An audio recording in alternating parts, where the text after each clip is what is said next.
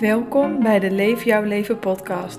Mijn naam is Derdere en in deze podcast deel ik gesprekken met inspirerende vrouwen over onderwerpen zoals spiritualiteit, vrouwelijkheid en kwetsbare onderwerpen waarover niet zo vaak wordt gepraat, zoals schaamte.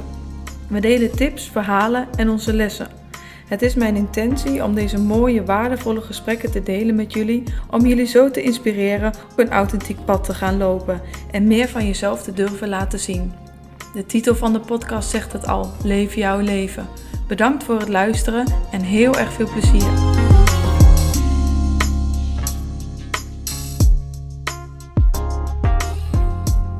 Welkom lieve lieve mensen bij de Leef jouw leven podcast. Vandaag ben ik met Milou van Praktijk Lucky. En ik heb een paar weken geleden een heerlijke vlindermassage bij Milou ontvangen. Maar waar Milou ook nog een expert in is, is op het gebied van familieopstellingen. En dat was ook een stukje wat in de massage weer naar voren kwam. En wat ik juist een heel mooi aspect vond, is dat Milou heel erg op intuïtie naar boven laat komen tijdens de massage.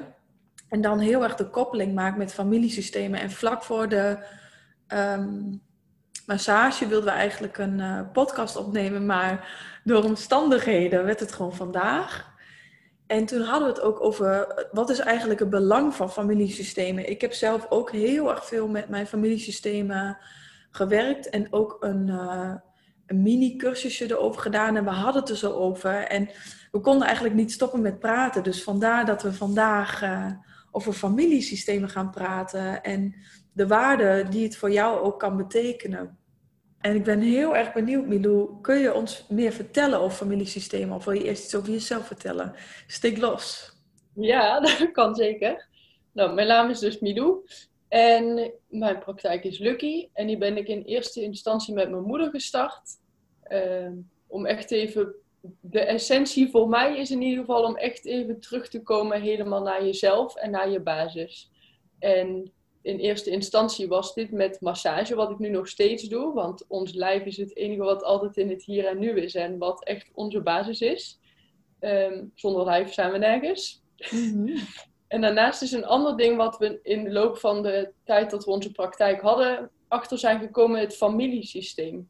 Ook dit is een heel belangrijk basisitem van ons zijn, zeg maar. Mhm. Dus daar hebben we ons meer in verdiept in uh, de opleiding familieopstellingen.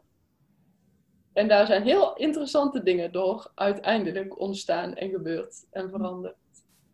Kun je daar wat meer over vertellen? Welke interessante dingen zijn ontstaan? Uh, een van de dingen is, ik ben, of ja, als je opstellingen doet, dat raakt altijd een persoonlijk stuk van je. Ik ga eerst even vertellen wat een familieopstelling überhaupt is. En dan zal ik daarna vertellen wat het mij heeft gebracht. Ja. Uh, als je bijvoorbeeld merkt dat je in het dagelijks leven continu tegen hetzelfde patroon aanloopt. Dat je maar blijft nadenken in plaats van durft te gaan voelen. Dat je moeite hebt met nee zeggen tegen anderen en ja zeggen tegen jezelf. Uh, dat je boosheid bijvoorbeeld heel erg in jezelf houdt in plaats van eruit brengt.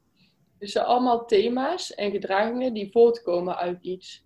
En heel vaak is het zo dat we vanuit het verleden, dat we daarin iets hebben meegemaakt wat heeft beïnvloed hoe wij nu reageren op het hier en nu. En in een familieopstelling ga je eigenlijk kijken naar de oorsprong van dat gedrag waar je nu last van hebt. Wat jou belemmert om volledig authentiek en vrij te leven. Um, ja, dat is het eigenlijk. Mm en, en hoe werkt zo'n familieopstelling? Hoe ziet het er dan uit? Nou, dat kan er verschillend uitzien. Uh, in een familieopstelling is het in ieder geval altijd zo dat je uitgaat van jou als kind van je biologische ouders, dus je vader en moeder. En van hun heb jij het leven gekregen. Je bestaat eigenlijk uit de helft uit je vader en de helft uit je moeder. En alles wat zij in hun jeugd van hun ouders weer hebben meegekregen, stroomt ook automatisch door in jou. Eigenlijk is het zo dat we dus heel vaak hoor je wel eens van, oh, je lijkt net op je vader of dit zou je moeder zo hebben kunnen doen. Dat geldt ook voor opa's en oma's soms. Mm Oh, dit is echt precies iets wat hij had kunnen zeggen. Ehm, dat geldt dus voor uiterlijkheden en voor innerlijkheden. En tegelijkertijd dus ook wat erop, om het maar even tussen aanhalingstekens te zeggen, energetisch is gebeurd. Mm bijvoorbeeld heftige situaties die in het verleden hebben plaatsgevonden, scheiding of ehm, oorlog of een miskraam of iemand die op jonge leeftijd overleden is. Mhm. Andere dingen die in een familiesysteem hebben gespeeld, die kunnen op onbewust niveau nog steeds heel veel invloed hebben op hoe wij in het hier en nu leven. Ja, ja. Ik, eh, ik heb zelf heel veel gewerkt met Kundalini Yoga. En daarin zegt ze dat je de eh, voorgelopen zeven generaties bij je draagt. Dus het kan bijvoorbeeld zijn dat je oma in de oorlog iets heel heftigs heeft meegemaakt, waardoor ze is afgesloten bepaald iets. Ja, Gedraagt zich op een bepaalde manier naar je moeder. En je moeder gedraagt zich daardoor weer op een bepaalde manier naar jou. Maar ook inderdaad in de energie draag je het bij je. ja, Dus we zijn, ja, we dragen zoveel meer ehm, bij ons, van het collectief, van onze familie, dan dat we beseffen. We denken Ja. allemaal dat wij heel erg ons eigen persoon zijn en eh, onze eigen gedraging hebben. Maar ik denk echt dat 90% vanuit het onderbewuste je automatisch doet. ja, zeker waar. Ja, En dat kan super, dat is, ergens kan het super fijn zijn. En tegelijkertijd kan het ook meer belemmering brengen dan je door kan hebben. ja, ja. Met ook onbewust bijvoorbeeld dingen doen die je maar doet omdat je ouders dat ook zo doen. Ja. Of ja, dat je uit loyaliteit heel veel dingen doet die normaal werden gezien in een familie bijvoorbeeld. ja. En hoe een familieopstelling, want dat was eigenlijk de vraag, hoe ziet een familieopstelling er dan uit?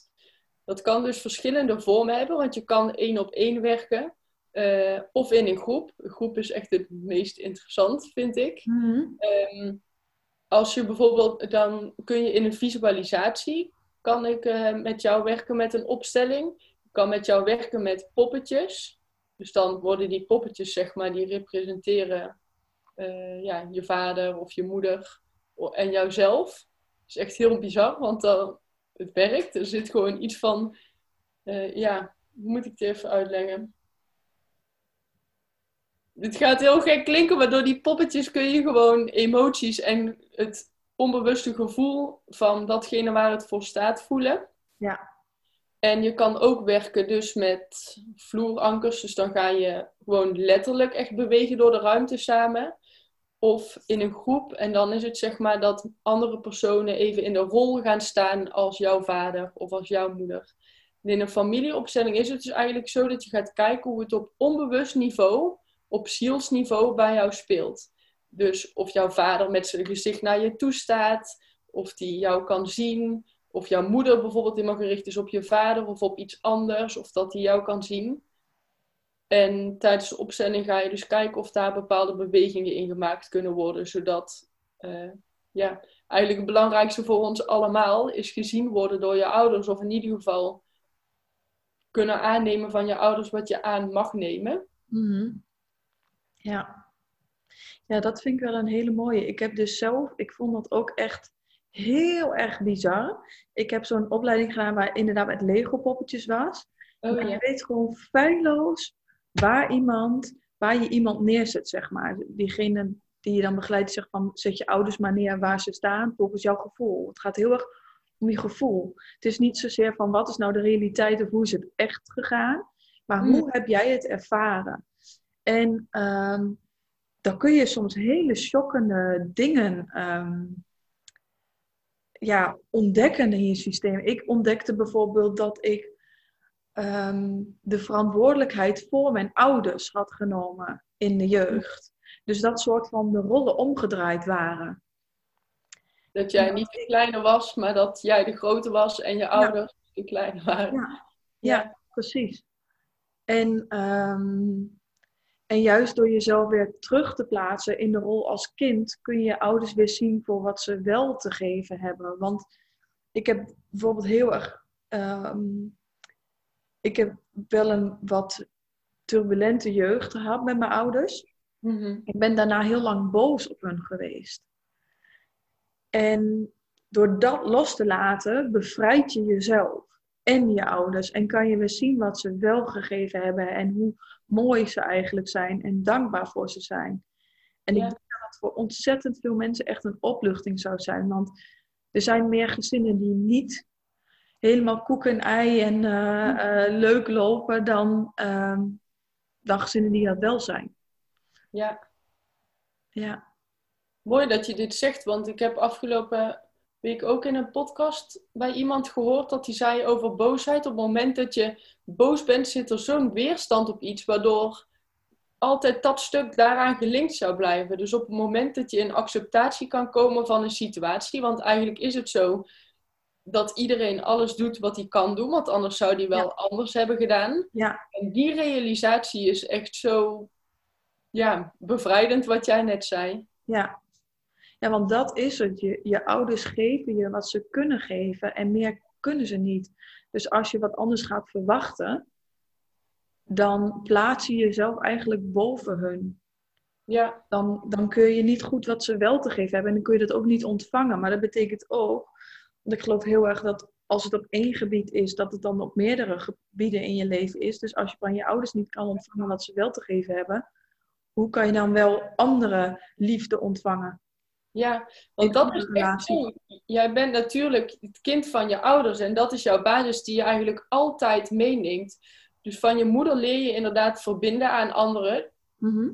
En eh, via je vader juist de daadkracht en echt jezelf een plek in de wereld geven. Dus op het moment dat daar iets niet lekker zit, dat wordt automatisch gereflecteerd in het dagelijks leven. Want jij bent gewoon een soort van, tussen aanhalingstekens, product van je ouders. En die draag je altijd in je. Maar op het moment dat dat wringt of dat jij jezelf groter of belangrijker maakt, onbewust, dan zij zijn, heb, ja, dan draag je die ook altijd mee in uh, andere situaties. Ja. ja, en het is inderdaad gebeurd on, onbewust. En Ja. soms kan het al gebeuren dat je zes jaar bent en er gebeurt één situatie die helemaal niet zo bedoeld was, maar waardoor jij een soort van in de verkeerde rol schiet.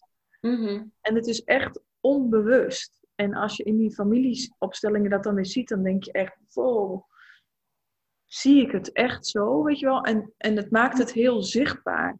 Ja, En ook zo'n stukje van met die van papiertjes op de grond. Dat jij zijn het vloerankers, maar dat kan je bijvoorbeeld zien. Ja, op de grond, papiertje Ja. op de grond. En dan daarop gaan staan. ja. Ja, super mooi. Jij zei net iets en daardoor dacht ik in één keer ergens aan, maar ik ben het heel even kwijt. Ehm, ja, dat het zo kan zijn dat we met ons hoofd denken, oh, daar stelt niks voor. Terwijl het op onbewust en op zielsniveau echt een mega impact kan hebben. Ja. Dus ook bijvoorbeeld, eh, dat is ook wel interessant, als je gaat kijken ehm, naar relaties. Op het moment dat je bijvoorbeeld een relatie hebt gehad met een, met een jongen of een meisje.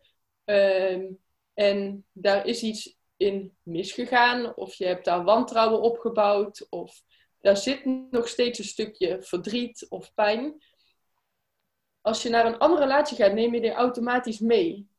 Dus het is echt super belangrijk voordat je bijvoorbeeld een andere relatie ingaat, om de, de eerdere, zeg maar, een plek te geven, helemaal te hebben gezien, af te sluiten en daarna de volgende weer in te gaan. Mhm. En echt het contact durven maken met, ja, met jouzelf, zeg maar, in verschillende situaties en met verschillende personen. Om te kijken of je helemaal in het reine ermee bent, zeg maar. En dan vanuit daar weer verder kan. Of je helemaal in? Ja, in, er- in het reine bent, dus dat je er helemaal oké mee bent. Dat het, ja, Ja, dat je, de, dat je het echt helemaal accepteert voor hoe het is, zeg maar. ja, Ja, dat is ook wel een hele mooie. Want bij familiesysteem denk ik aan, aan ouders, maar het kan ook inderdaad een stukje zijn andere relaties. zeker. Het kan dat zijn en het, kan, het, het gaat heel vaak, meestal is het ook zo dat mensen denken van, oh, ik loop toch steeds hier tegenaan. En dan denken dat het aan die situatie ligt. Maar heel vaak is de situatie juist omdat het terug te herleiden valt uit eerder, uit het eerdere, zeg maar. Van Ja. Wat je dus Ja. in je jeugd hebt eh, meegemaakt. Ja, ja dat, dat herken ik ook wel heel erg. En dat stukje, ehm, als je dus die trauma, zo noem ik het dan maar even, een trauma kan ook zijn iets wat je hebt gehoord of verkeerd hebt opgevat of wat dan ook, maar iets waardoor jij pijn hebt opgelopen, opgelopen en ehm, iedereen heeft wel van die momenten in je jeugd die je nog heel scherp herinnert. Wat ieder, iemand toen zei. En dat je daarna nog dagen daarover na hebt gedacht. Mhm. Ik weet niet of iedereen dat heeft, maar wel heel veel mensen die ik spreek. Ja. Dat is dan zeg maar een trauma. Maar heel vaak als je dus dat gaat oplossen, merk je ineens dat in het heden je dat probleem niet meer hebt. En dat vind ik echt super bijzonder. ja, zeker waar. Ja. En wat is, de, eh, wat is dan voor jou, wat betekenen familieopstellingen voor jou? Wat betekenen familie? Ja, heel veel, want het geeft superveel inzichten en het laat je eigenlijk weer iedere keer als je een familieopstelling doet of eh, meemaakt, dat je eigenlijk steeds weer een stukje dichter bij de heling en dichter bij je hele zelf komt. Mhm. Eigenlijk is het zo dat eh, ja, door dingen die we in het dagelijks leven meemaken, heb ik het idee dat we altijd een bepaalde lagen over ons heen plakken. Ja. En voor mij betekent de familieopstelling dus echt weer terugkomen en terug durven te gaan naar jouw kern. En vanuit daar weer meer te groeien. Ik weet even niet goed hoe ik het in andere woorden moet zeggen, maar Mhm. ja. Ik denk dat dat wel heel, heel eh, duidelijk is, tenminste voor mij wel. En tijdens mijn vorige podcast hebben we precies ditzelfde ook ehm, eh, besproken. Is dat elke keer als je iets meemaakt dat pijn doet, dan ontstaat er een soort van overlevingsmechanisme wat je kan zien als een laagje om jezelf heen. Ja. Ik heb het zelf ook ervaren dat die familieopstellingen en ook innerlijk kindwerk, eh, waar- waar we zo nog wel wat meer over kunnen gaan vertellen, is dat dat elke keer een laagje van je afpelt. Dus elke keer een last loslaat, waardoor het gewoon makkelijker kan. Waardoor je niet meer zo last van die bepaalde patronen hebt die je tegenhouden of waarin je helemaal vast zit. Mhm. Ik weet niet hoe jij dat ziet. Ja, daar zie ik ook, die zie ik hetzelfde. En ik, ben, ja, ik was even een beetje afgeleid. Ik dwaalde even in gedachten ergens anders heen. Zo werkt een hoofd, hè. Dus ik was echt alweer even in gedachten met het stukje inderdaad hoe helend het kan zijn. Om inderdaad te gaan kijken van, hé, hey, waar zit die oude pijn? En eh, zonder daar een oordeel over te hebben, hè. Met het stukje waar we net al over hadden van iedereen die dingen gebeuren zoals ze gebeuren. En die gebeuren niet voor niks. Eh, maar daar wel gewoon met, ja, reali- realistisch naar kijken wat er eigenlijk dus speelt. Mhm. En misschien ook wel dat stukje wat je zegt, ehm, neutraal naar kijken. Ja, denk dat dat ook gewoon vanuit het feitelijke in, in plaats van het stuk oordelen. Ja, ja, ja. Dat is ook wel een hele mooie. Dat je eh, door een familieopstelling te doen, of überhaupt door terug te kijken naar een bepaalde situatie die is gebeurd, als je daar weer neutraal naar gaat kijken, zonder alle gedachten die je eraan hebt geplakt en alle emoties en alle heftigheid, zeg maar, Mhm. Ehm, dat je dan weer het kan zien voor wat het is en het soms dan meteen al verdwijnt. Ja, zeker. Meestal is het ook, de realiteit is soms super hard en tegelijkertijd is de realiteit echt het enige wat kan helen. Ja. Ja. En even heel ver, of heel ver terug, even terug in het gesprek had jij het over van dat je wilde gaan, dat je ging zorgen of dat je je groter voelde dan je ouders. Dat is vaak wat we als kind onbewust doen. Eh, en daar kan ik wel iets over mezelf over zeggen, want ik vertelde aan het begin dat ik, ehm, ik ging even van de hak op de tak, maar dit komt even in één keer in mijn hoofd. En nou denk ik, oké, ik ga hierop in. Mhm. Eh, dat ik deze praktijk eerst met mijn moeder had. Die was vanuit haar, uit de behoefte om echt iets samen te gaan dragen en iets samen te gaan creëren. En doordat dit is ontstaan, zijn eigenlijk mijn moeder en ik, ben ik niet altijd meer het kind geweest, maar meer gelijk aan haar. Mhm. Dus eh, toen hebben we samen eerst die vlinder- en kindermassage gedaan en op ouder en kind gericht. Daarna hebben we de familieopstelling gedaan. En aan het eind, daar hebben we zoveel dingen aangekeken. En aan het einde voelde ik dus echt super sterk. Wat mij nu te doen staat, is echt op mijn eigen benen door te gaan. Dus Ja. toen heb ik me, tegen mijn moeder, heb ik het met mijn moeder besproken. En die zei, ja, die voelt inderdaad echt super krachtig. Want dan klopt het ook beter. In plaats van samen langs elkaar te staan. Dat jij gewoon op je eigen benen je eigen pad weer verder wandelt. Ja. Ehm, en dat, is, dat wilde ik dus eigenlijk op terugkomen. Dat jij zei net, soms ben je onbewust zo geneigd om te gaan zorgen voor. Uit loyaliteit of uit schuldgevoelens. Of omdat je vader het emotioneel zwaar heeft. En zorgen voor ouders kunnen we praktisch doen. Bijvoorbeeld een keer boodschappen gaan doen. Of als iemand is gevallen, dat je dan ondersteuning biedt. Of even net iets extra's. Als je bijvoorbeeld naar huis kan om ondersteuning te bieden, dat te doen. Op het moment dat er emotioneel beroep wordt gedaan op ons, dan kan het onszelf als kind heel snel gaan belasten. Mhm. Waardoor als je gaat kijken naar de Fontein, dat boek van Els van Stijn, dat ouders boven in de bak staan en kinderen onderin. Kinderen mogen het water en alles ontvangen wat ze kunnen, ja, wat ze kunnen krijgen, zeg maar, wat ouders en voorouders te geven hebben. Maar water kun je moeilijk terug, ja, dan kun je teruggooien, maar dat heeft niet zoveel veel zin. Ja, ja, om echt een beeld erbij te hebben van een fontein. Ja, dus als jij zeg maar niet in jouw bak staat, dus als jij zegt van, oh, mama, ik ga wel even zeggen tegen jou wat belangrijk is, of ik wil voor jou gaan zorgen, dan Ja. plaats je eigenlijk jezelf dus in één bak erboven, waardoor het dus eigenlijk niet meer klopt, want dan ontvang je niet meer wat je eigenlijk kan of mag ontvangen. Ja, ja, klopt. Uit de onbewuste loyaliteit die ik in mijzelf voel, en, en die heb je, dat is gewoon een gegeven. Je bent super loyaal aan je afkomst, of in ieder geval op onbewust niveau, ook al denk je soms in je hoofd, rot lekker op. Ondertussen blijf je het kind van je moeder en draag je daar wel altijd bij je. Ja.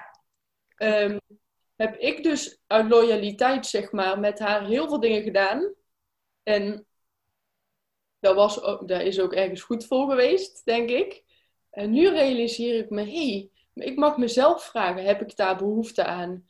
En helpt het uiteindelijk mij en de ander door steeds toe te stemmen met iets waar ik eigenlijk zelf niet helemaal blij van word, bijvoorbeeld? Mhm. Wij heeft voor mij echt zo erg ook de ogen geopend in het willen zorgen voor een van je ouders onbewust, maar tegelijkertijd ook voor mensen om je heen. Iedereen heeft zo zijn eigen verantwoordelijkheid. Ja, En we kunnen af en toe even bijspringen om een zetje te geven, of om even een inzicht te brengen, of om wat begeleiding te bieden.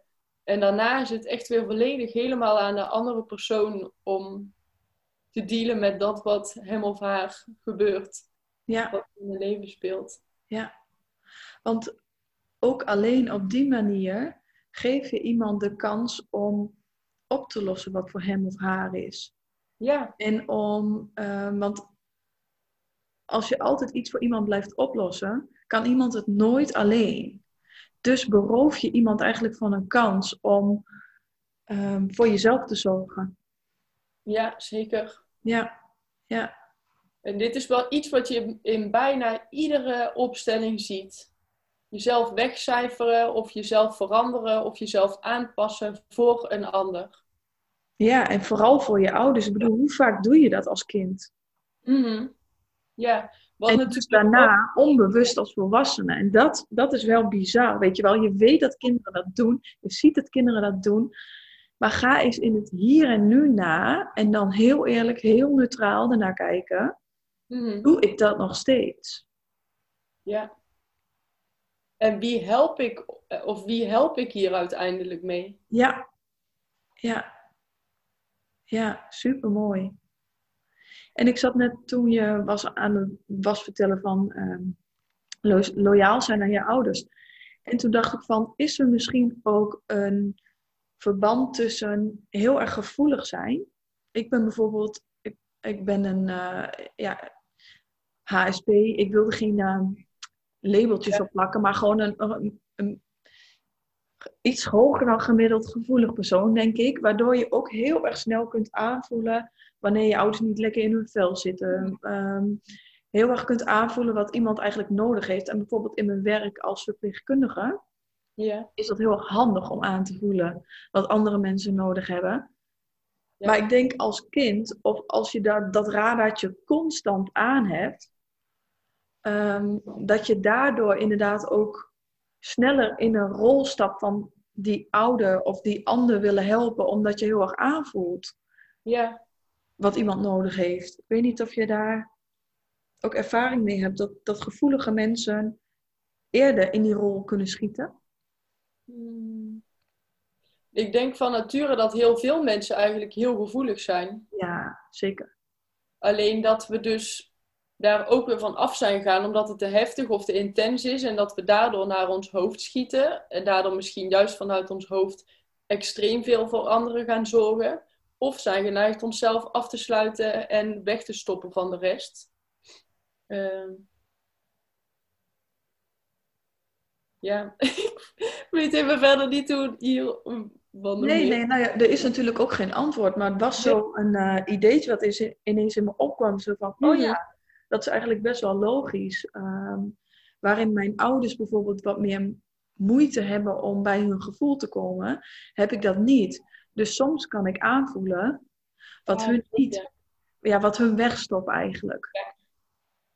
ja, en dan is het dus voor mensen die supergevoelig zijn ook weer de kunst om dingen inderdaad te kunnen laten bij de ander. Door jezelf te beschermen en door echt aanwezig te kunnen zijn in je eigen lijf. En in je eigen...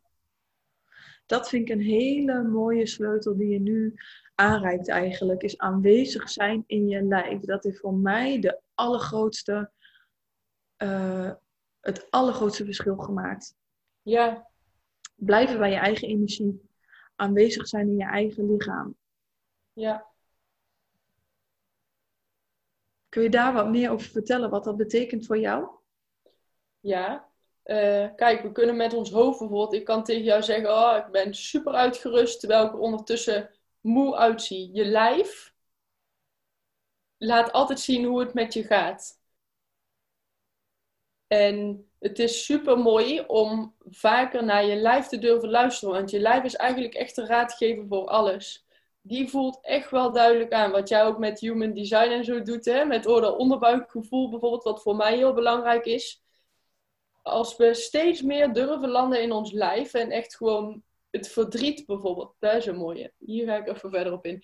Verdriet wordt heel vaak in het hier en nu, in het dagelijks leven, eruit gegaan als drama. Door alle verhalen die wij voor onszelf koppelen aan het verdriet of dat wat ons overkomt. Doordat we onszelf dan een soort van slachtoffer maken. Um, terwijl emotie, als je die echt puur gaat voelen in je lijf en echt op onbewust niveau gaat registreren in je lijf, dan is die zo kort en zo krachtig. Dan is die heel even aanwezig en dan weer weg. Mm Want het gegeven is dat wij vaak met ons hoofd en gewoon in deze volle maatschappij geneigd zijn om te zeggen: Ik ben verdrietig. Ja. Ik ben boos. Terwijl boosheid trouwens ook nog een laag over het verdriet is. Want heel vaak als je boosheid ziet, is het eigenlijk omdat je niet gezien wordt of gehoord wordt. Doordat, eigenlijk doordat er dus een pijnpunt in jou wordt geraakt. Mm Dat even terzijde. Het wordt dus heel vaak dat je gaat identificeren met een gevoel. En dat kun je bijvoorbeeld ook in opstellingen doen. Als je heel veel last hebt van een bepaalde emotie die iedere keer super sterk opkomt, om eens te gaan ervaren van hé, hey, kan ik het gevoel er laten zijn? Kan ik het accepteren? Kan ik het omarmen? Want met het omarmen ervan kun je het ook echt een plek geven. Ja, en het er echt puur laten zijn. En dan kan ik mezelf ook meer voelen dan alleen mijn emotie. Want je bent je emotie niet, je hebt een emotie. Mhm. En die emotie heb je omdat je vanuit kind in een kindpijn bijvoorbeeld wordt geraakt en van daaruit reageert. Of eh, omdat iets je gewoon raakt omdat je het ontzettend mooi vindt of omdat het je blij maakt. Dat is wel een hele mooie. Dat is ook dat stukje aanwezig zijn in je lichaam. Want ehm, hoe ik het inderdaad, wat ik hoor of, of, wat ik, hoe ik het zie, is inderdaad dat je voelt verdriet, maar we zijn zo gewend van, oh, je mag je niet verdrietig voelen eigenlijk. Of, oh, dat is negatief als je verdriet voelt. Waardoor je dus er van weggaat. Terwijl als je erbij zou blijven in je lichaam je voelt verdriet, duurt het echt 15 seconden. Ja. 15 seconden max duurt een emotie. Maar door er van af te bewegen, dus in je hoofd te schieten of een oordeel op te hebben of voor weg te rennen, jezelf af te leiden. Maken. Ja, ja. Van waar komt het nou vandaan en hoe overkomt mij dit nou weer, maak je het eigenlijk veel groter. Ja, precies. En je gaat er van af. Dus in de plaats van dat je gaat voelen wat er gewo- gewoon is, noem ik het maar even, ga je van alles bedenken erover. En Ja. blijft die emotie een soort van vastzitten. Waardoor het daarna vet moeilijk is om contact te maken met je lichaam. Omdat daar al die shitload aan emoties zit, zeg ik maar even, weet je wel. Het komt allemaal omhoog. Het, uiteindelijk zal het een keer gevoeld moeten worden. Ja, zeker waar. Ehm, maar we kwamen hier door weer contact te maken met je lichaam. Dat dat het allerbelangrijkste is. Ja. Ja, omdat je je lichaam, die kan je ook, daar ben ik nou ook bezig in een, in een, eh, weet het, in een online training, Connect with Spirit. Je lichaam kan zo haarfijn vertellen aan jou welke voeding goed voor je is, of welke, eh, wat je op dit moment nodig hebt, of er juist beweging is, of dat het stilzitten is, of dat het stilte is, of juist heel veel rumoerigheid, of mensen om je heen in je lijf weet je het. Maar door ons hoofd zo vaak aan te hebben, zijn we zo erg losgeraakt van ons lijf en de innerlijke wijsheid die we eigenlijk altijd in ons hebben. Ja, ja. Want dat is ook. En dan ga ik toevallig vanmiddag een meditatie over opnemen, dus het hangt ook in de lucht. Ah, Uh, maar in je lijf kun je inderdaad je hart volgen, je intuïtie horen, je onderbuikgevoel aanvoelen. Maar Ja. wat het allemaal overheen, overeen heeft, is het bevindt zich in je lijf en nergens anders. mhm. Dus als je daar weer meer wil naar gaan luisteren en weer meer vanuit je hart wil gaan leven, vanuit je intuïtie, vanuit je onderbuik, wat dan ook maar de stem is die voor jou het meest aanwezig is, moet je daarvoor in je lichaam aanwezig zijn. Moet, Ja. We moeten nooit een, nooit een heel goed woord, maar is het daarvoor nodig ja, om je lichaam te voelen? ja. En kijk wat het is op het moment dat we. Ik zie het ook zo dat dingen, spanningen en stress en dergelijke, dat die in ons lijf worden opgeslagen. Want dat zie ik gewoon als energie. Ja, energie is overal. Alles bestaat uit energie. Ehm, dus op het moment dat we daar ook aan bezig mee kunnen zijn in je lijf en dat aandacht kunnen geven, dan kan het ook een soort van weer verdwijnen. Anders gaat het zich in jezelf nestelen. En dan kun je eigenlijk zien als eh, een rivier, waar bijvoorbeeld een boom invalt. Als emoties continu worden geblokt en eigenlijk als een soort van ja, eh, energieblokkade zeg maar, in jouw lijf zich nestelen, dan kan het allemaal niet zo goed stromen.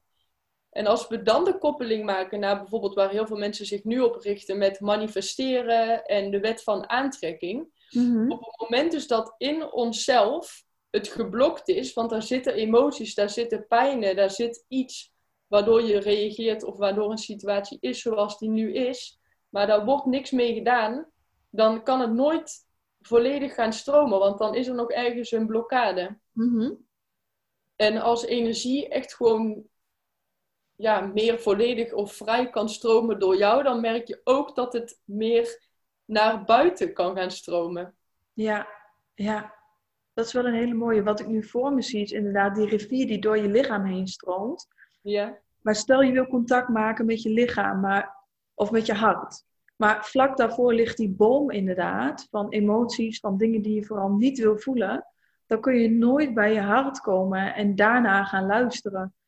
Dus die emoties vertroebelen als het ware, dat je kan luisteren naar je lichaam. ja.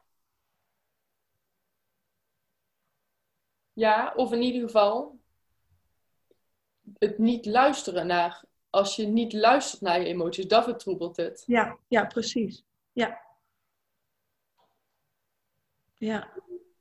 Hmm. Wat een wijsheid. Denk grapje. Maar soms kun je echt zo hebben van, huh, waar komt dit nou weer in één keer vandaan? Maar ergens heb ik dat een keer gelezen of zo en het zit gewoon in je. Ja, En eigenlijk is het ook met een opstelling of met innerlijk werk om jezelf te herinneren waar iets vandaan komt, waardoor het dan ook weer kan, ja, weg kan flowen. Of bij deze nu een keer uit mijn mond kan om andere mensen er weer een stukje mee eh, op weg te begeleiden. ja, ja. Dat is ook inderdaad, want als je je keel geblokkeerd is, kun je al deze wijsheid die je eigenlijk hebt, durf of kun je niet uitspreken. Mhm. Ehm, ik denk dat heel veel mensen, en vooral als we het iets meer over het spirituele gaan hebben, dat heel veel mensen, of vrouwen, spreek ik dan maar even over, daar best wel blokkades op hebben. Omdat we daar ook in familielijnen heel veel pijn op ligt. Of dat vrouwen vooral niet moesten gaan praten over wat ze allemaal voelen of uh, wat ze intuïtief aanvoelen, want dan zijn het zeg maar heksen. Mm en dat is niet heel lang geleden eigenlijk. In, in, in het collectief is, die, is dat nog heel erg aanwezig. Ja. Dus als vrouw kun je dat ook heel erg onbewust nog met jezelf meedragen. Mhm. Ja, en dat kan ook bijvoorbeeld al zijn ontstaan als ik naar mezelf kijk bijvoorbeeld. En niks met een oordeel of zo gezegd. Ik, wa ik was inderdaad vaak... Ik ben ook een gevoelig Oh nee, ik ben niks. Maar oké, in mij leven er ook veel gevoelens. Uh, maar vroeger als kind vond ik het best wel moeilijk met momenten hoe daarmee om te gaan. Dus dan werd ik hier thuis bijvoorbeeld niet gehoord of niet serieus genomen. Door whatever de situatie dan ook is. En dan ging ik naar boven en dan knalde ik keihard met de deur. Mhm. En dan ja, was ik daar gewoon mijn frustratie aan het uiten door te huilen of whatever dat, wat uh, dat toen gebeurde. Maar dan kom je daarna naar beneden toe en dan werd er gelachen. Haha, Mido, jij, hoezo ga je nou zo wat met de deur gooien? Ja, omdat ik me op een of andere manier moet uiten. Dat maakt wel dat ik in het later met vriendinnen en op school, dat ik daarin best wel veel moeite heb gehad met mezelf uiten, met mezelf presenteren, met te durven gaan staan ergens. Doordat ik mhm. ergens mezelf dus ging beschermen, omdat het niet veilig genoeg is. Of omdat het dan toch gek is hoe ik mezelf dan ga uiten. En dat is voor mij zo'n interessant ding, dat ik daarnaar heb gekeken. Van oké, kan ik puur ook bijvoorbeeld in een opstelling, doordat mijn ouders mij kunnen zien, doordat ik de dingen die niet bij mij horen, weer bij anderen kan laten, doordat ik mezelf gewoon letterlijk veel meer ben gaan zien durf ik nu. Ik zou echt dit denk ik eerder nooit hebben gedaan. En natuurlijk vind ik net als nu een podcast bijvoorbeeld opnemen. Van oh, wat heb jij nou te zeggen? Is het niet raar? En natuurlijk gaan die gedachten af en toe hier doorheen. Ja. Ja. Het is ook, ja, hoe moet ik het zeggen? Ik voel wel echt superveel dankbaarheid doordat ik mezelf dus zoveel meer ben kunnen gaan zien en mezelf ben kunnen gaan accepteren en zoveel meer bewustzijn heb op waar dingen vandaan komen en uh, ja, waardoor dingen zijn zoals ze zijn, mhm. dat ik gewoon veel meer mm, mezelf een plek in de wereld ook durf te geven. Ja, ja, super mooi. Eigenlijk door, door bewust te worden van ehm, oude emoties, oude gedragingen in je systeem, ben je mhm. nu een heel ander mens geworden. Als je al die dingen niet had gedaan, dan was je waarschijnlijk nog wat kleinere Milou, die vooral niet in een podcast wat ging vertellen. En dan spreek ik ook over mezelf hoor. Ehm, ja, dat, juist door die heling te doen, durf ik het nu naar buiten te brengen en andere mensen er weer mee te helpen. En inderdaad die ruimte in te nemen, wat je zegt. Een hele mooie. En het is super mooi wat jij nu zegt, want hoe vaak zeg maar, reageer, als je nu eens teruggaat naar afgelopen week bijvoorbeeld, dat je een conflict had. Of dat je bijvoorbeeld juist extreem je blij voelde, wat ook al lang geleden was. Wat eigenlijk die extreme blijheid zit ook zo in ons pure kind bijvoorbeeld. Mm Is te gaan kijken van, hé, hey, op welke momenten afgelopen week heb ik echt puur gereageerd, onbewust, vanuit die oude, vanuit de oude ik, vanuit mijn innerlijk kind, die bijvoorbeeld toen echt op bepaalde vlakken totaal niet gezien is. Of die juist toen een moment heeft gehad van, oh, ik word volledig gezien. En ik mag er volledig zijn en ik geniet van het leven en ik kan alles aannemen, bijvoorbeeld wat me nu gegeven wordt. Mm Dat is wel echt een leuke, denk ik, voor de mensen die aan het luisteren zijn om eens naar terug te gaan kijken. Mhm. In welke, op welke momenten reageer ik dus eigenlijk vanuit een oud, vanuit een oude ik. Mm Om maar even te zeggen, ja. Ja. En soms is dat ook helemaal niet erg, maar inderdaad wanneer het uh, je beperkt of um, gaat schuren, gaat pijn doen, of je komt constant hetzelfde patroon tegen wat je niet helpt, ja. dan is het heel erg interessant van, maar, en wat zit daaronder? Ja, en dat is dus heel vaak weer gedrag komt altijd ergens vandaan. Het is gebaseerd op een behoefte. We hebben als mens allerlei verschillende basisbehoeften. En op het moment dus dat je merkt van, oh, daar strijkt het steeds. Ik mis gewoon veiligheid, ik mis communicatie, ik mis warmte, ik mis... Uh, ja, er zijn zoveel verschillende dingen eigenlijk op te noemen. Op het moment dat je merkt van, hé, hey, deze behoefte ligt er dus eigenlijk onder. Het feit dat ik ga schreeuwen tegen mijn partner, of dat ik tegen mijn partner weer boos de telefoon, ga, uh, boos de telefoon ophang. Waar heb ik eigenlijk behoefte aan? Het is helemaal niet om uit de, connectie te, uit de connectie te gaan. Ik heb juist behoefte aan verbinding. En wat is nodig voor verbinding? Weer de veiligheid te voelen, weer de connectie te voelen met elkaar. Hoe ga ik daar komen? Oh ja, door de strategie in te zetten om mijn emoties te uiten. Mhm. Om puur te uiten waar ik op dit moment last van heb. Om te laten zien dat ik het fijn vind om ook mijn andere emoties er te kunnen laten zijn. Mhm. Ja. ik weet niet waar dit in vandaan kwam, maar uh, het is dus ja, eigenlijk gewoon de bewustwording. Gedrag komt vanuit een behoefte. En om die behoefte te vervullen, ga je een strategie inzetten. Dus reageer jij op een bepaalde manier of kies jij ervoor om bijvoorbeeld te gaan wandelen of stil op de bank te gaan zitten om toe te komen aan de behoeften die je van binnen hebt. Ja. En je daar bewust van te worden. En die behoeften zijn dus super vaak nog in ieder geval, naar mijn idee, is dat heel vaak vanuit het behoeftige kind. Ja. En vanuit de ouder bijvoorbeeld die iets van een kind onbewust nodig heeft, vanuit de behoefte van de ouder, van iets wat hij of zij in het verleden tekort is gekomen. Ja, ja dat is wel een hele mooie. En ook dat je het aan jezelf kan geven. Bijvoorbeeld iets wat ik dan heel erg herken, is dat behoefte aan warmte. Mm Maar door dat niet meer te verwachten van andere mensen dat ze mij dat moeten geven tussen haakjes. Of dat ik van andere mensen nodig heb. Maar dat in mezelf te gaan zoeken en mezelf te geven eigenlijk. Mhm. Hoef ik niet meer op die bepaalde manier te reageren. Ja. Ja, dan leg je het eigenlijk niet meer buiten jezelf, maar zoek je meer in jezelf. Ja. En het is natuurlijk niet zo dat we alles... Ja, we hebben wel veel in onszelf te vinden. Tegelijkertijd zijn we hier op aarde met uh, weet ik veel hoeveel mensen. Ja. Aan wie het juist ook super mooi kan zijn om dan de durf te hebben als je behoefte hebt aan een knuffel of aan warmte. Om een vriendin op te bellen of om naar je partner te gaan en te vragen: mag ik even een knuffel of hou me even vast? Of... Maar misschien daarin het verschil voelen van: ehm, is het nu helpend? Is mhm. het uh, nu liefdevol naar mezelf toe om het aan iemand anders te vragen? Of heb ik behoefte om het uit mezelf te krijgen. Dat je daar even bij stilstaat. Want het altijd bij jezelf zoeken is niet goed, maar het altijd bij een ander zoeken ook niet. Weet je wel, de balans van waar heb ik werkelijke behoefte aan? Ja. Ach, en dat kan heus niet elke keer, weet je wel. Uh, ik denk ook dat het heel menselijk is om soms echt gewoon, terwijl je het gewoon door hebt, ja, zeker. redelijk te doen. Of uh, ja. ja. weet je wel, lachen. Want ja. ja, ik denk wel, um, en ik denk dat wij dat ook allebei wel kennen. Dat als je dan bewust wordt en zo, dat het dan ineens allemaal heel serieus moet zijn. Ja.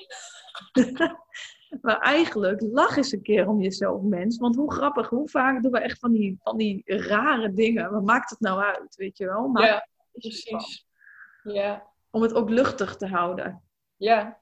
Ja, want eigenlijk is het doel van de dingen die ik doe, is echt niet om zware ballast. Ik wil juist ballast nee. wegnemen. En, ja, precies. Um, ja, laten zien wat er, ja, hoeveel lichtheid en fijne dingen er juist ook zijn. Door juist een beetje bij de voeten weer op de on earth te zijn. En, ja. Uh, ja. ja ik zou wel even lachen. Vanmorgen zag ik een uh, filmpje van Karin Ammalaan. Ik weet niet of je haar kent. Nee. Zij, zij heeft voor mij een paar keer een visual en zo gemaakt. En um, ik vind haar echt heel chill. Maar zij deed bijvoorbeeld, om het even te hebben over gekkigheid. Zij deed iets van een lion. Waar zei ze nou ook weer? Lion bread of something? Ja? Ja, ja, ja. Dat zij allemaal mensen uitdagen. had zij een filmpje gemaakt. En allemaal mensen reageerden erop. Van weet je hoe belangrijk die fun en joy is? En bijvoorbeeld Kim Munnekom heeft het daar ook altijd over. Als je die fun en joy in jezelf kan voelen. En dat heb ik weer van mijn teacher van familieopstelling geleerd. Op het moment dat je emoties als angst, als verdriet kan, en pijn kan omarmen echt kan omarmen, dan pas kun je ook echt weer duidelijk het voelen. eh, de blijdschap, de dankbaarheid, de liefde. Ja. Want het is gewoon zo dat het leven een dua, dua- in, ja, we leven in een dualiteit waarin het donker en het lichte er is. Op het moment dat we dus één ding altijd of buiten onszelf houden of liever geen plek geven, dan kunnen we de andere kan juist zo mooi elkaar versterken. Mhm. Ja.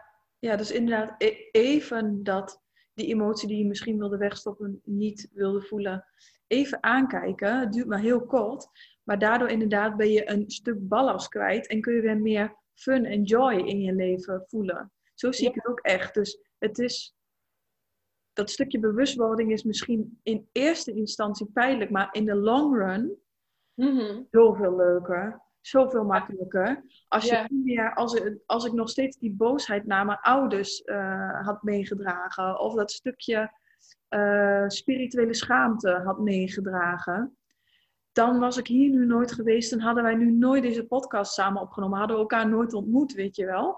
Ja, En dat, dat maakt het juist heel erg leuk, weet je wel. Dat geeft je toestemming om te doen de dingen die je echt wil doen en waar je echt blij van wordt. Ja, zeker. Mhm, leuk, ja. hey, en ik zat even te denken, wat is jouw nummer één ding om te doen om die joy en dat genieten eh, te activeren in jezelf? Even een zijspoor, maar ik leek me leuk. Woehoe. Dat is altijd leuk, ja. Dansen en muziek luisteren, vooral. Ja.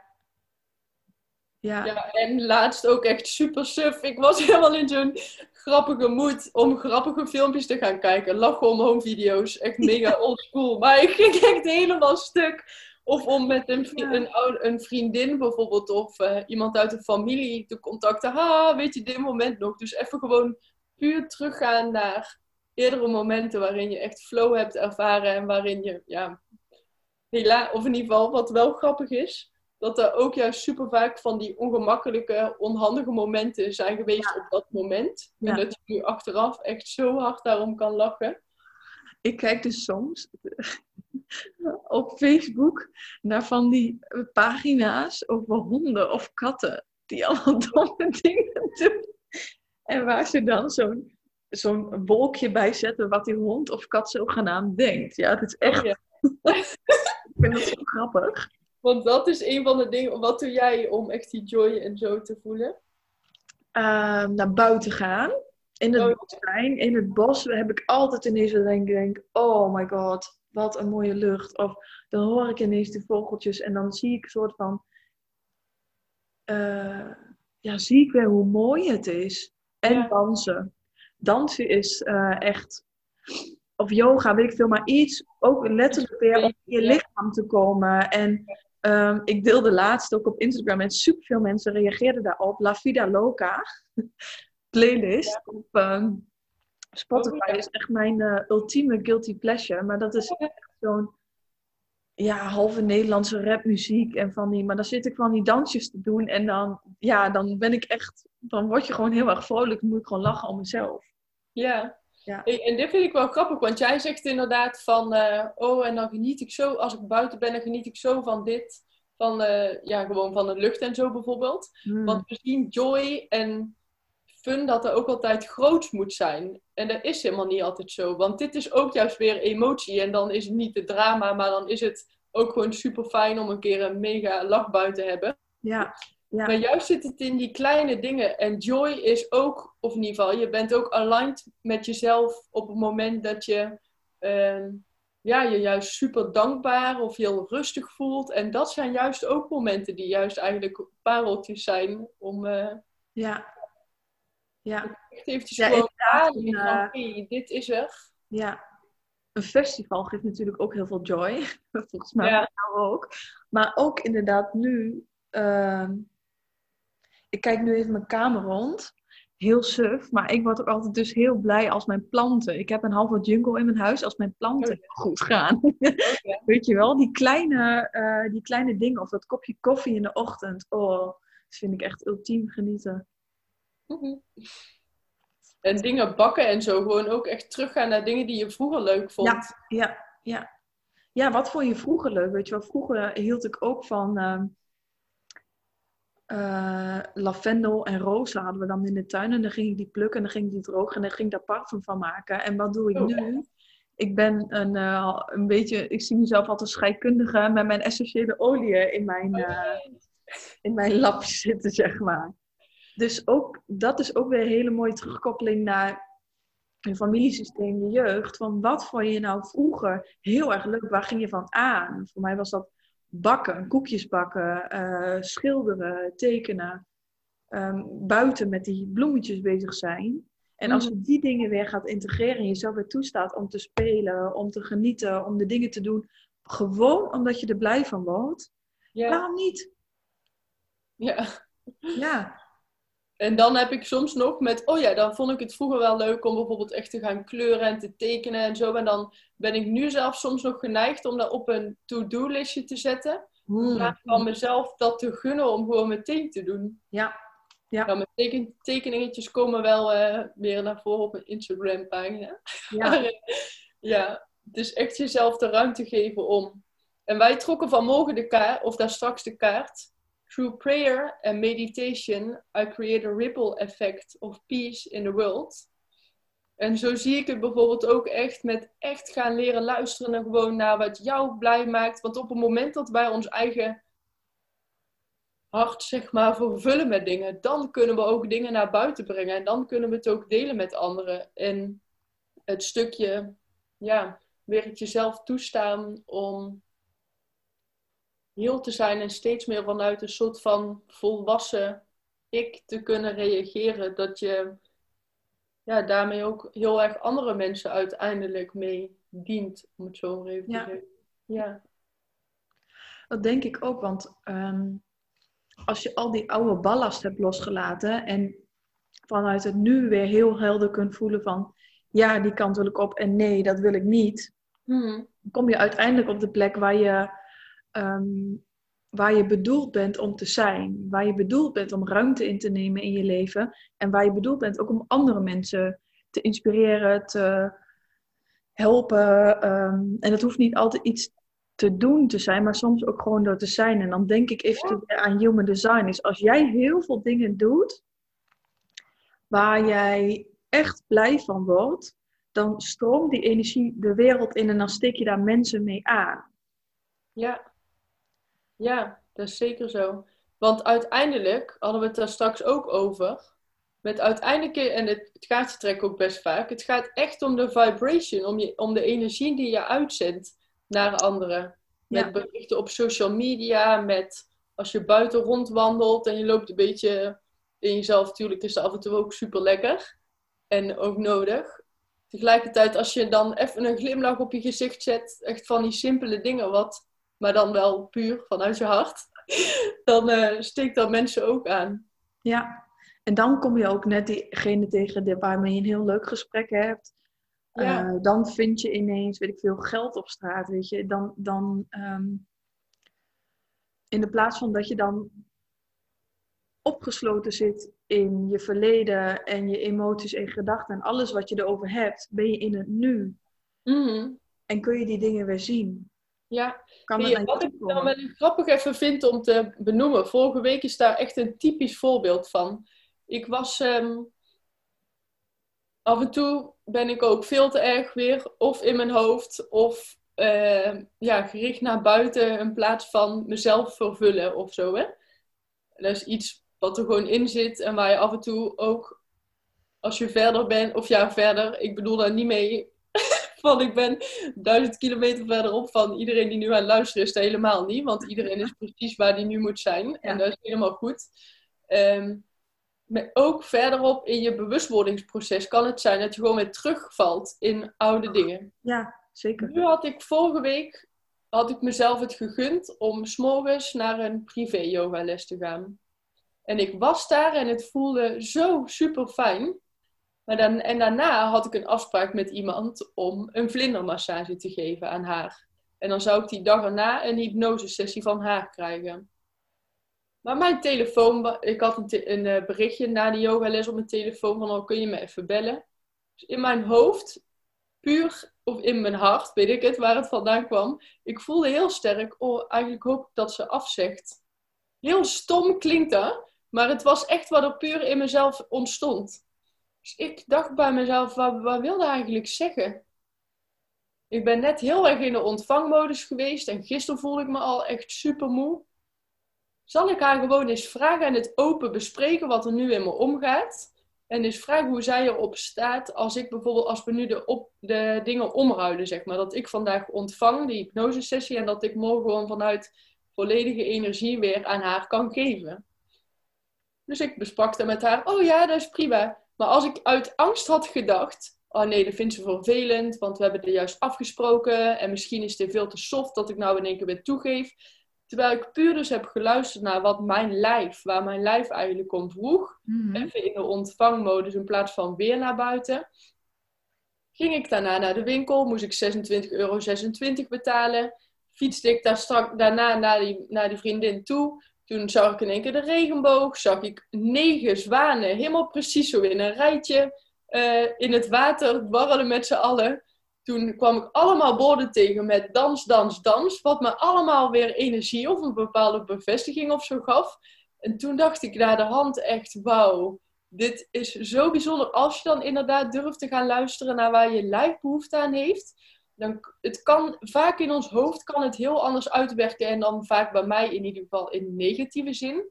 Wat als je daar is met liefde en gewoon eens durft te gaan kijken, ook met liefde en acceptatie naar jezelf, dat het gevoel er is dat is niet per se soft. Het is juist super krachtig en mooi als je durft te gaan luisteren. En het is uiteindelijk voor die ander ook krachtiger. Want ja. jij hebt die dag daarna meer energie om het wel te geven. Dus hoe kun je situaties een soort van win-win maken? Ja. En blijf je daardoor trouw aan jezelf, waardoor je inderdaad ook meer ehm, ja, de dingen om je heen kan gaan zien. Het leven is voor je en je intuïtie, er is zoveel meer. En jij doet natuurlijk ook die cursus nu, Connect to Spirit. Ja. Er is zoiets veel groters wat altijd voor je werkt. En als je daarna gaat luisteren, dan ontstaan er echt hele bijzondere dingen in je leven. En dat is misschien een beetje vaag voor heel veel mensen. Of, mm -hmm. het is ook heel erg ontastbaar, maar believe me, het is echt bijzonder. Dan komen de, kans, de kansen op je pad omdat je in lijn bent met wat voor jou klopt. Wat in lijn is met jouw gevoel en dus in lijn met wie jij bent. Ja, en dan komen dingen ook makkelijker weer naar je toe. Ja. In plaats van dat je heel erg je best moet doen om iets voor elkaar te krijgen. Ja, of hard werken, frustratie. Het mag moeiteloos gaan. Ja. Ja. En als het niet moeiteloos gaat, is het ook echt super mooi dus om inderdaad te gaan kijken van wat zit hier tussen of wat maakt dat. Ja. Misschien hou je jezelf tegen met een onbewuste overtuiging die je nog vanuit het verleden in, je in jezelf hebt en die je nog gelooft. Of daarmee naar gaan kijken van is dit echt waar? Uh, ja, klopt het? Moet ik deze, is het echt zo dat ik deze gedachte moet geloven of is er ook nog iets anders mogelijk? Mm Ja. Ja verrijkend. Dat is vind ik een, uh, een super mooie om mee af te sluiten, waarmee we weer terug in het familiesysteem zijn. Dus als het dus niet stroomt of je loopt ergens tegenaan, ga dan eens onderzoeken. Ja. Want het, het is eigenlijk bedoeld moeiteloos en leuk en fun te zijn. En niet hard werken, uh, frustratie, uh, pijn. Mm het, ma het, mag er allemaal zijn, want het is dualiteit. Ja. Dus het gaat er hoe dan ook zijn, uh, maar hoe ga je ermee om? Mm, ja, en tegelijkertijd, dus soms is het wel even hard werken, want het is ook zo dat, uh, dat je bepaalde mensen misschien moet overtuigen van waar jij in gelooft, of dat, dat het zo is dat er bepaalde mensen zijn die jou tegen gaan staan. En soms is het juist dat je door die dingen en door die pijn heen mag. Ja, ja. Dat je ook, ja, ja, ja, dat bedoel ik. In, ja, dat is wel een goede, goede toevoeging nog. Want het is niet allemaal unicorns. En uh, uh, het, het, het moet dan ook geen moed worden dat het altijd leuk is. Want dat heb ik ook wel een tijdje gehad. Dat als er dan een, iets negatiefs gebeurt of zo, dat ik dan meteen dacht: oh, ik heb iets verkeerd gedaan. Of ik loop nog ergens mee. Mhm. Nee, het leven is gewoon soms leuk en soms niet leuk, maar alle dingen die op je pad komen, die hebben iets te leren. En juist vaak in die hele grote pijnen, in een, uh, weet ik veel, in mijn geval dan die eetstoornis, lag mijn grootste ehm, lessen, mijn grootste groei, mijn grootste um, besef, ingevingen, ja, alles. Ja. Ja, dus, dus het is ook niet negatief inderdaad, maar het hoeft niet altijd zo te zijn. Het mag een soort van onder water voelen alsof het klopt. Mm Ja. Mooi hè? Heb je nog een laatste tip die je zou willen meegeven? Vooral je realiseren dat je goed voor jezelf mag zorgen. En met goed voor jezelf zorgen op alle niveaus wat nodig is. Dat gaat op emotioneel, fysiek vlak, maar ook financieel en gewoon het puur bij jezelf kunnen zijn, maar ook tegelijkertijd wel in connectie met anderen blijven. Mhm. hm. En wat is één ding wat de, wat de mensen die deze podcast luisteren um, al zouden kunnen toepassen of ehm, nu al wat mee kunnen? Eerst wat me opkomt is iets met jezelf en de spiegel. Mhm. En uh,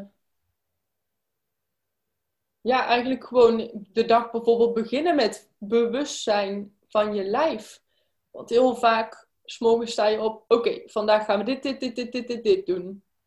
Uh, oké, goedemorgen. Ja. Want ons lijf moet dan echt ook nog even wakker worden. En eigenlijk, dat was echt mooi. Dat is het laatste wat ik even ga delen hoor. Maar in die Connect with Spirit hadden we een meditatie gedaan, ook naar je organen en zo, en naar je lijf. Hoe snel we geneigd zijn om, oh ja, we nemen alles voor lief, oh, we gaan er weer voor vandaag. Maar het besef dat we gewoon iedere dag opstaan en dat we überhaupt het leven hebben, is echt zo wonderlijk. En daar is bij stil gaan staan van, hé, hey, uh, ja, contact maken lekker letterlijk met je lijf. Want als je je geconnect met je lijf de dag ingaat, is echt geloof me, inderdaad heel anders dan wanneer je vanuit je hoofd de dag ingaat. Ja, ja, dat is een hele mooie die ik ook zelf nu al de eh, hele tijd elke ochtend doe. Eerst iets doen om connectie te maken met mijn lichaam. En vanuit daar krijg ik de ingevingen en gaat het veel makkelijker. Ja. Ja. En uh, misschien, omdat je net zei spiegel, waar ik aan dacht was... Um, hang een reminder voor jezelf op de spiegel. De spiegel waar je elke ochtend in kijkt. En kijk jezelf eens aan en zegt: Goedemorgen. Goedemorgen, lieve je naam. Weet je wel, dan heb je al op een andere manier contact gemaakt met jezelf dan dat je hup, kleren aan, snel ontbijt eten en de deur uit en, en je dagelijkse dingen gaat doen. Even dat momentje van bewustzijn. Ja. Die, uh, ja. En liefde naar jezelf. Ja zijn zo ongelooflijk streng van, oh, nou zit mijn broek te strak, of nou is het dit, of nou is het dit. Ja, en je lichaam is er gewoon. Ja. Zo gewoon super fijn en ja. uh, iets om dankbaar voor te zijn. Ja, dankjewel lichaam dat je dat mijn benen het doen. Nou ja, dat is niet voor iedereen, hè? Maar uh, voor iedereen werkt iets goed. Ja. Ja. Daar gaan we mee afsluiten. Dankjewel allemaal weer voor het luisteren. Um, we zijn eigenlijk op de flow weer uh, van alles meegenomen, maar ik denk juist super waardevol. En uh, laat ons weten wat jullie ervan vonden. Laat een uh, reactie onder mijn podcast. Had sinds vorige week ook op iTunes, waar je reacties kan achterlaten. En waardoor andere mensen dan de podcast ook weer meer gaan zien. Dus als je hem waardevol vond, laat een reactie achter of stuur ons een berichtje als je nog meer wil weten. En bedankt voor het luisteren.